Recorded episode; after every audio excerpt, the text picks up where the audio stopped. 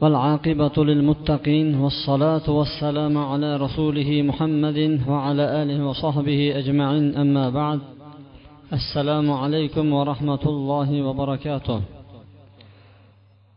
robbimiz haq subhanahu va taologa beadad hamda sano hamda bizni rahbarimiz yo'lboshimiz muhammad sollallohu alayhi vasallamga salovati durudlar bo'lsin alloh subhanava taolo bu islom ummati uchun minnat qilib bergan bu qadr kechasi hammamiz uchun barakatli kechalardan bo'lgan bo'lsin.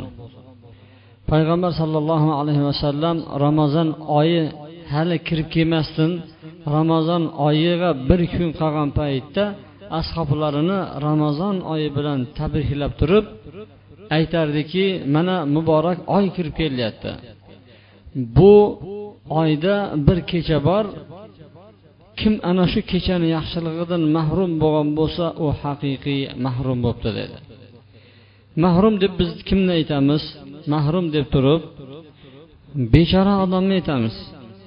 Bechora odamlarni otini mahrum deymiz. Yoki bankrot bo'lib qolgan odamlarni bechora judayam qiynalib qolibdi deymiz. Lekin ular bechora emas keyinchalik o'rni to'lib keyinchalik o'rni kuchayib ketaveradi. Haqiqiy mahrum bo'lgan odam qadr kechasini fazilatlaridan quruq qolib ketgan odamni otini mahrum bo'lgan odam deyilinadi qadr kechasini ma'nolari mazmunlari oyatni tafsirlari bilan inshaalloh hozir ikki rakat namoz o'qiganimizdan keyin suhbatlashamiz sizlar bilan. Ungacha bir hadisni eslaymiz. Payg'ambar sollallohu alayhi vasallam aytadiki man qoma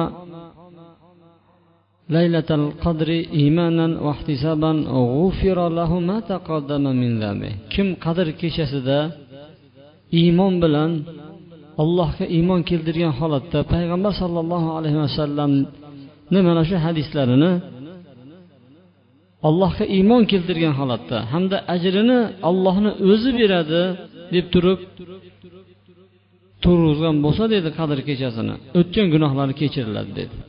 Mana hozir hammamiz qadr kechasini ibodatida shay bo'lib bel bog'lab turibmiz.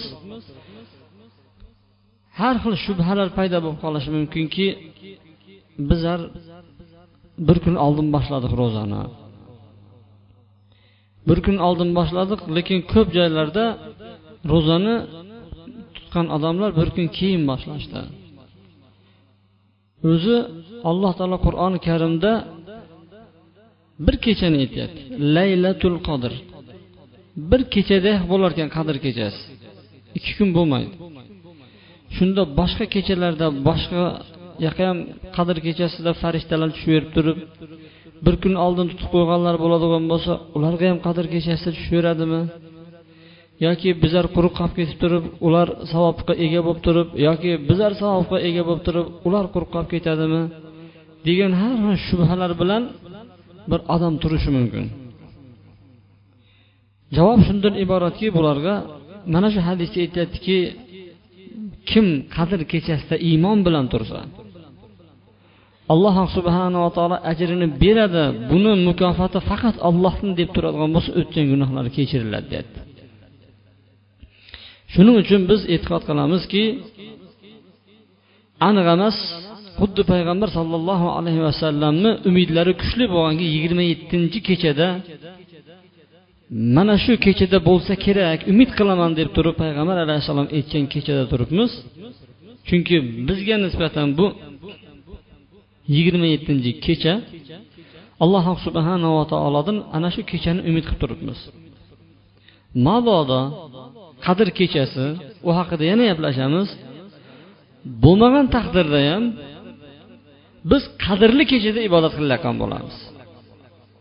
Alloh subhanava taolo tomonidan bo'ladigan ajrlarga inshaalloh erishamiz bizlar. Chunki hadisga ko'ra kim qadr kechasida iymon bilan ajrini olloh beradi deb turgan bo'lsa o'tgan gunohlari kechiriladi debdi. Mana shu savobga inshaalloh biz ega bo'lamiz. Alloh taolo hammamizni qilayotgan ibodatlarimizni qabul qilgan bo'lsin. Hozir ikki rakat namoz o'qiymiz tag'in keyin suhbat qilamiz. Ikki rakat namoz o'qiymiz tag'in suhbat qilamiz. O'rtalikda savollaringizga e, vaqtlar qoldirib savol javob turib mana shu kechani e, alloh subhanava taologa yaqinlik bir ibodat qilgan holatda o'tkazishlikka harakat qilamiz. Tavfiqni allohdan so'raymiz. Subhanaka allohumma bihamdik ashhadu an la ilaha illa anta va atubu ilayk. الله أكبر. السلام عليكم ورحمة الله. السلام عليكم ورحمة الله. استغفر الله استغفر الله استغفر الله. أنت السلام منك السلام تبارك اللهم أعني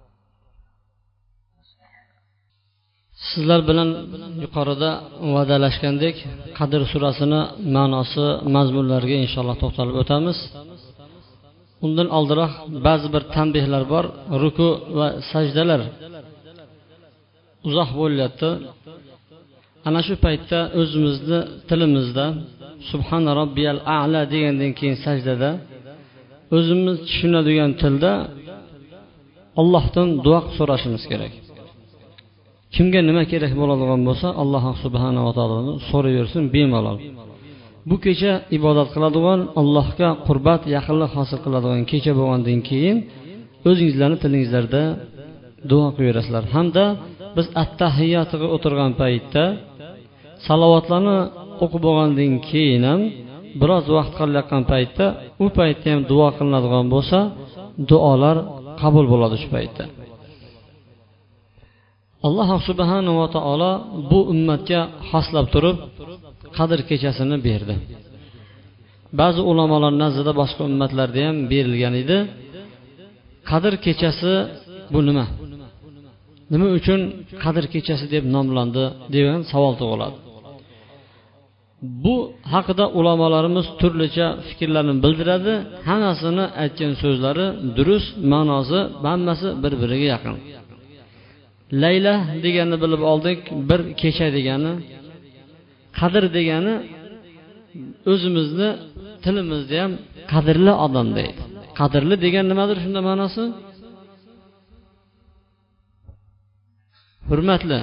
Qadr qiymat deydiyu qiymati bor qadri bor deydiyu ya'ni hurmati bor degani. Hurmatli kecha degani bu.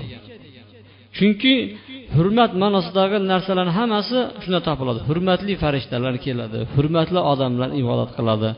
Hammasi bir biriga ehtiromda hurmatda bo'ladi. Ana shunaqa kecha degan ma'nosini bildiradi. Bu birinchi ma'nosi ikkinchisi qadrli ollohni xalqlari yer yuziga nozil bo'ladi. Bular farishtalar. Allohga gunoh qilmaydi. Buyurilgan narsani bajaradigan qadrli farishtalar tushadi. Keyingisi qadr deganni ma'nosi alloh taolo qur'oni karimda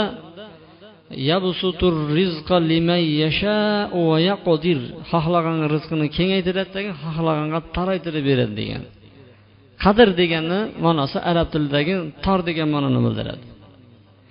Yer yuziga shunaqa bir farishtalar tushaveradi tushaveradi tushaveradi tushaveradi yer yuzida bo'sh joy qolmay qoladi. Ko'pligidan.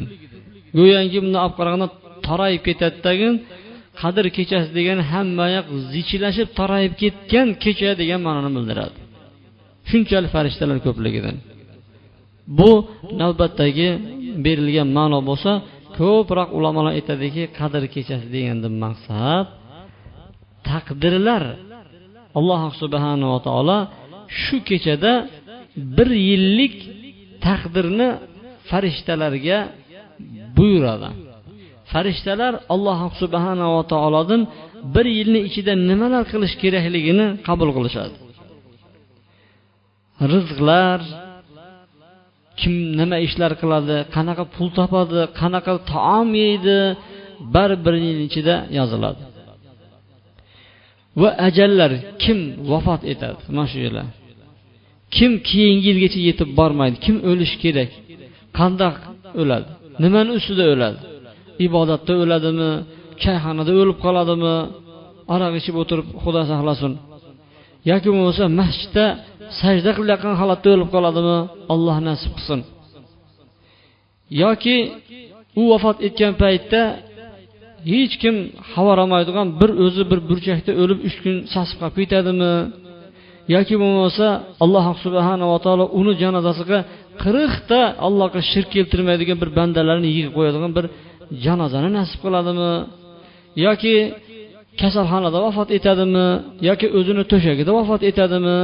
Mana shunga o'xshagan alloh taolo ajallarni belgilab qo'yadi. Farishtalarga ana shu buyruqlarni beradi.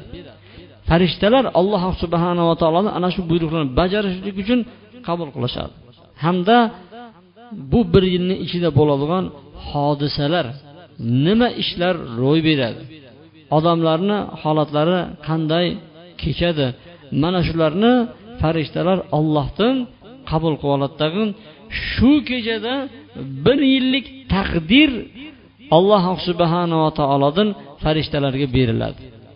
Ana shu taqdir degan qadar degan so'zdan kelib chiqqan bo'lib turib alloh subhanava taolo taqdirlarni farishtalarga beradigan kecha degan ma'noni bildiradi. Mana shu kechada shu ishlar bo'lar ekan. Alloh subhanava taolo bu kechani ulug'ladiki ulug'lagandan bu kechada o'zini buyuk kitobi qur'oni karimni nozil qildi. Alloh taolo qur'oni karimda marhamat qilib aytadiki inna anzalnahu fi laylatil qadr. Biz qur'onni qadr kechasida tushirdik deydi. Qur'oni karim lavhul mahfuzda bitilgan bo'lib turib ana shu lavhul mahfuzdan dunyo osmoniga kelib tushishligi ramazon oyiga to'g'ri kelgan ekan. Payg'ambar sollallohu alayhi vasallamga iqro surasi tushgani emas balki lavhul mahfuzdan dunyo osmoniga tushgan qur'on bitta jumla bo'lib tushgan. Payg'ambar alayhissalomga yigirma uch yil davomida sekin sekin sekin bo'lib tushgan. Bir ish bo'lardi qur'on kelardi. Masalan ba'zi bir sahobalarda bir hodisa ro'y bersa unga qur'on oyati nozil bo'lardi. Xullas kalom yigirma uch yil davomida tushib to'liq qur'on bo'ldi. Ana shu to'liq to'lig'icha bo'lgan qur'on lavhul mahfuzdan lavhul mahfuz degan allohni oldida bir lavh bor. Bizlarda uni ko'proq kitob deb tarjima qilishadi. Lavh taxtacha degani yozib qo'yiladigan. Alloh subhanava taolo hali osmon yerlarni yaratmasdan oldin qalamni yaratib turib qalamga aytdiki yoz dedi. Nimani yozaman? degan edi. Qiyomatgacha bo'ladigan narsalarni hammasini yoz dedi. Qiyomatgacha bo'ladigan narsalarni hammasini qalam yozdi ollohni buyrug'i bilan. Qalam ko'tarildi sahifalar siyohlar qurib qoldi. Ana shu narsani ollohni oldida lavh bor taxtacha. Alloh subhanava taolo biron bir farishta ham qo'riqlab turadi boyag'ini hech kim o'zgartirish kirgizmaydi. Qiyomatgacha nima bo'ladi? Kim jannatga kim do'zaxga kim nima ishlar qiladi? Bari yozilgan. Qur'oni karim jumladan qur'oni karim shu lavhul mahfuzni ichida bo'lgan. Ana shu qur'oni karimni lavhul mahfuz u ollohni huzurida. Ollohni huzuridan dunyoni osmoniga tushishligi ramazon oyida mana shu qadr kechasiga to'g'ri kelgan ekan. Alloh taolo inna anzalnahu fi laylatil qadr. Biz qur'oni karimni qadr kechasida nozil qildik deb xabar beryapti. Yana aytyaptiki vama adrokama laylatul qadr? Qadr kechasi nimaligini sizga siz qayerdan ham bilardingiz deyapti. Sizga nima bildirdi bu qadr kechasini qandayligini? Laylatul qadri xoyrum min alfi shahar qadr kechasi shunday bir kechaki ming oydan yaxshiroqdir deyapti. Ming oy bilan teng deyilmayapti. Ming oy qanchaga to'g'ri kelardi? sakson uch bilan sakson to'rtni orasi. Desak alloh taolo shunga teng demayaptiki hayrun deyapti yaxshiroqdir. Balki to'qson yil bo'lishi mumkin balki yuz yil bo'lishi mumkin balki undan ham o'tib ketishi mumkin. Odamni qilayotgan amallariga ham bog'liq bo'lishi mumkin. Bu kechadagi qilingan amallar ekan ulamolar aytadiki shu kechada o'qilgan namoz va qilinayotgan ibodatlar yaxshiroq deb javob berishgan ekan. Bir odam endi xafa bo'lmaymiz. Sigaret chekadiganlar bo'lsa ay bizlarda emas. Ko'chaga chiqib chekib turadigan bo'lsa boshqa oylarga chekayotgan qaraganda ming barobar yaxshiroq bo'lmaydi bu amal. Bu kechada qilinayotgan hamma amal ming oydan qilinayotganda yaxshiroq bo'lmaydi balki bu kechada qilinayotgan yaxshi amallar ming oydan yaxshiroqdir. Hamda bu oyni alloh subhanava taolo fazilatlarini aytdi. Inshaalloh unga to'xtalamiz. Bani isroilda bir kishi bor ekanda ollohni yo'lida jihod qiladigan bir kishi bor ekan. Ming oy ming oy silohini yechgan emas ollohni yo'lida jang qilib yurgan ming oy. Mana shuni aytgan paytda sahobalar ajablandiki ming oy ollohni yo'lida yursa bu oson emas bir kun yurishni o'zi bo'lmaydida. Deb ajablangandan keyin alloh taolo qur'oni karimda mana shu oyatni tushirdi. Sizlar ajablanyapsizlar bani isroildagi bir oy ming oyda ollohni yo'lida shu qurolni ko'tarib yurgan kishidan ajablanyapsizlarmi bitta musulmonni bitta oddiy musulmonni qurol ko'tarmasdan turib qadr kechasida qilgan ibodati bani isroildagi ming oyda qilgan jihodidan afzal degan oyat tushdi. Mana mana shu oyat qadr kechasi. Bir rivoyatda aytadiki ana shu bani isroildagi kishi tunim bilan tahajjud namozi o'qib chiqqan ekan ming oy shunda sakson to'rt yil bo'ladi taxriban hamda kunduz kuni ollohni yo'lida jihod qilib yurgan ekan. Deb aytgandan keyin sahobalar hayron qoldi. Vuya deyishdi. Kuchli odam ekan. Degan paytda alloh taolo oyat nozil qildiki bu qadr kechasidagi qilingan ibodat bir kechada qilingan ibodat. Bani isroildagi haligi qilgan kishini ibodatidan teng emas. Afzal xoyrun kalimasi bilan keldiki yaxshiroqdir degan oyat tushgan ekan. Boshqa bir rivoyatlar ham keladiki sahobalar shikoyat qilishdiki boshqa ummatlar ko'p yashashdi. Ming yil ming yildan ko'proq sakkiz yuz to'qqiz yuz besh yuz ikki yuz bir yuz oltmishga chiqqan payg'ambarlar bo'lgani ularni ummatlari ham ko'p yashashganda bitta kampir bolasi o'lib qolgan ekan yaxshi o'lib ketgan ekan. Yig'lab o'tirsa bolangiz yaxshi nechida desa to'rt yuz ellikda degan ekan. Ana shunga o'xshagan odamlar o'tganda tarixda payg'ambar alayhissalom aytdiki ular ko'p amallar qildi savobi bizanikidan ko'payib ketdiyu. Ko'p savollar bizlarga endi kamroq bo'ladimi shunda deganda sizlarga qadr kechasi berildi degan ekan. Qadr kechasi.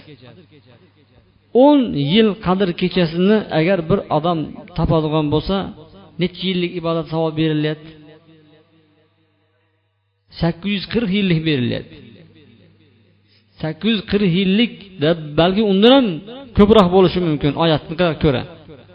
Yigirma yil bo'lsachi o'ttiz yil bo'lsachi qirq yil bo'lsachi bu haqida nima desak bo'ladi endi? Demak alloh subhanava taolo bizani umrimizni kam qildida kam qildi. Biroq savobimizni ko'p qildi. Bir odam bir musobaqada tezroq ko'pchilikni yengib tezroq chiqib ketishni yaxshi ko'radi to'g'rimi? Qarib qolib kaltak yeb kuchayib turib dam olib chiqib ketganda kuchi bor paytda hammani yengib chiqib ketgan yaxshi to'g'rimi? Oz bo'lgani yaxshi soz bo'lgani yaxshi. Alloh subhanava taolo bu ummatga yetmish yil bilan oltmish yilni o'rtasidagi umrni bergan ekan. Payg'ambar alayhissalom aytdiki meni ummatlarimni yoshi oltmish bilan yetmishni o'rtasida bo'ladi dedi. Mana shu umr yetadi o'zi aslida. Jannatga tushishlikka savoblarni ahli kitoblarnikidan ham ko'proq qilishlikka shu yoshni o'zi yetadi. Alloh subhanava taolo mana shunday bizlarga fazilat bergan. Erishishlik deydimi? Mana shunday lugutni bergan alloh taolo bizlarga. Bundan biz foydalanishimiz kerak. Bu kechada yana tanazzalul malaikatu va ruh farishtalar hamda jibril alayhissalom o'zi boshchiligida farishtalar nozil bo'ladi. Ular tinchlik omonlik rahmat barakatlar olib tushadi yer yuziga. Ular tonggacha hatto matlail fajr tonggacha bo'lishar ekan. Endi savol tug'iladiki bugun qadr kechasimi aniqmi aniq emasmi ho'p endi sizlarga savol tashlab qo'yaylikda hozir kim uxlab o'tirgan bo'lsa shulardan so'raymiz.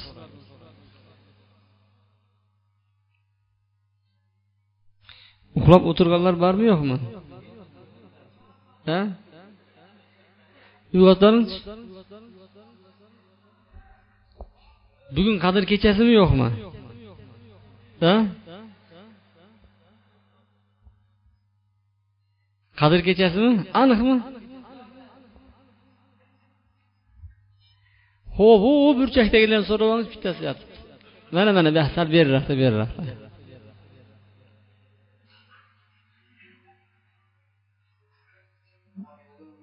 bugun qadr kechasimi yo'qmi so'rab yuboringlarchi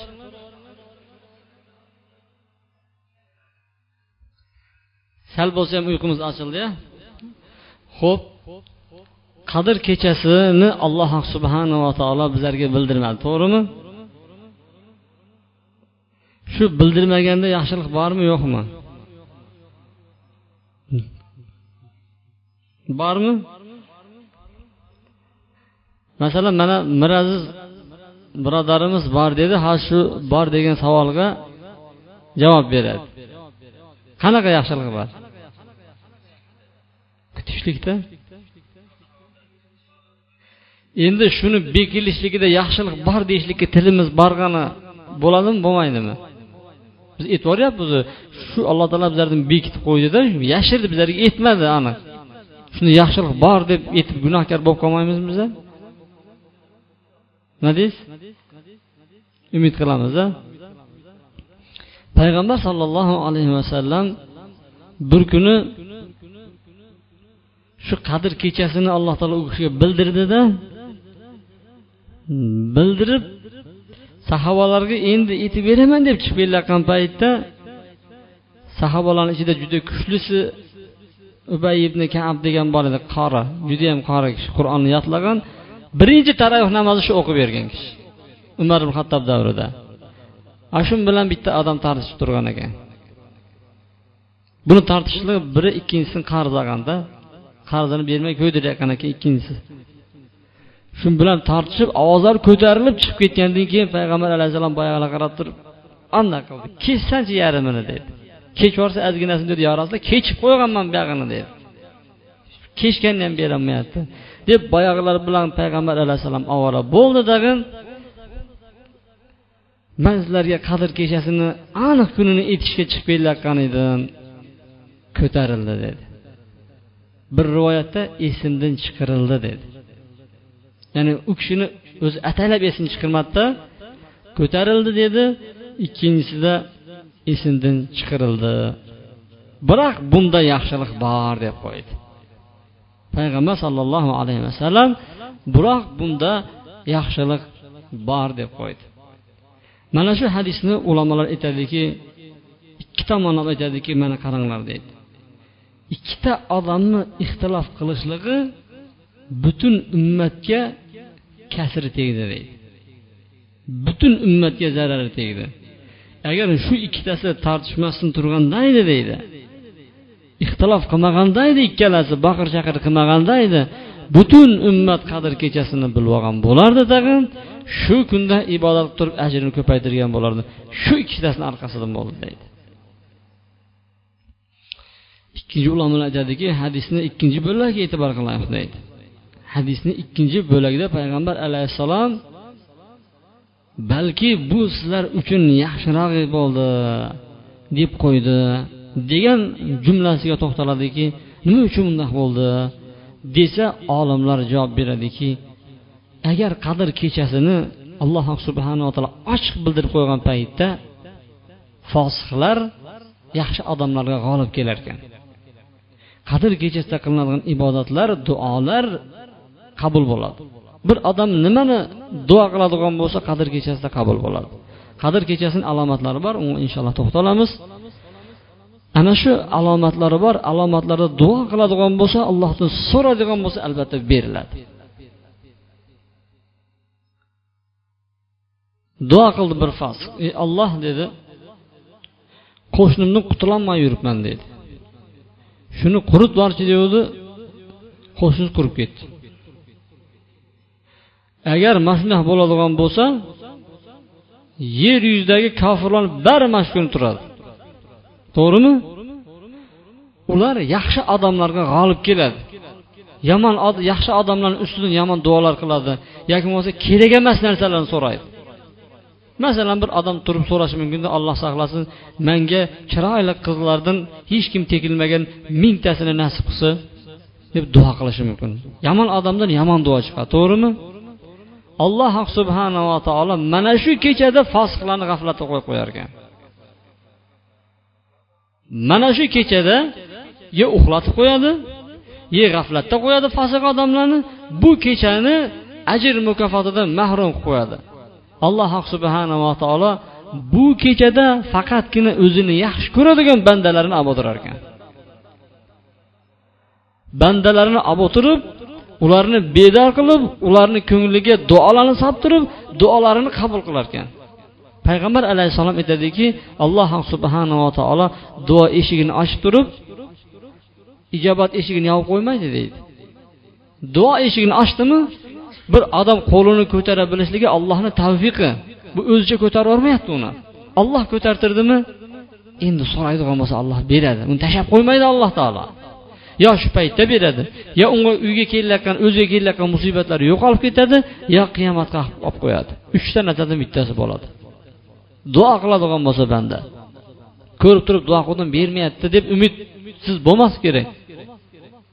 Alloh saqlasin mana yong'inlar bo'lib ketyaptiya mashinalar yonib ketdi bir odamni saroyi yonib ketdi. Bir odam duo qilib o'tiradigan bo'lsa balki bitta odamni uyi yonadigan bo'lsa qilgan duosi boyag'ini o'tni kesib tashlaydi yoki bo'lmasa bir farzandiga bir ofat balo keladigan bo'lsa kasallik keladigan bo'lsa masalan operatsiya bo'lib qolishi mumkin alloh saqlasin. Ko'p duo qilib yuradigan odamni bal kelayotgan balolar yeyish ketaveradi boyagi duo bilan. Siz bilmaysiz bu yoqda qabul bo'lmayapti deb o'tiraverasiz yo'q. Sizga kelayotgan musibat yo'qolib ketyapti.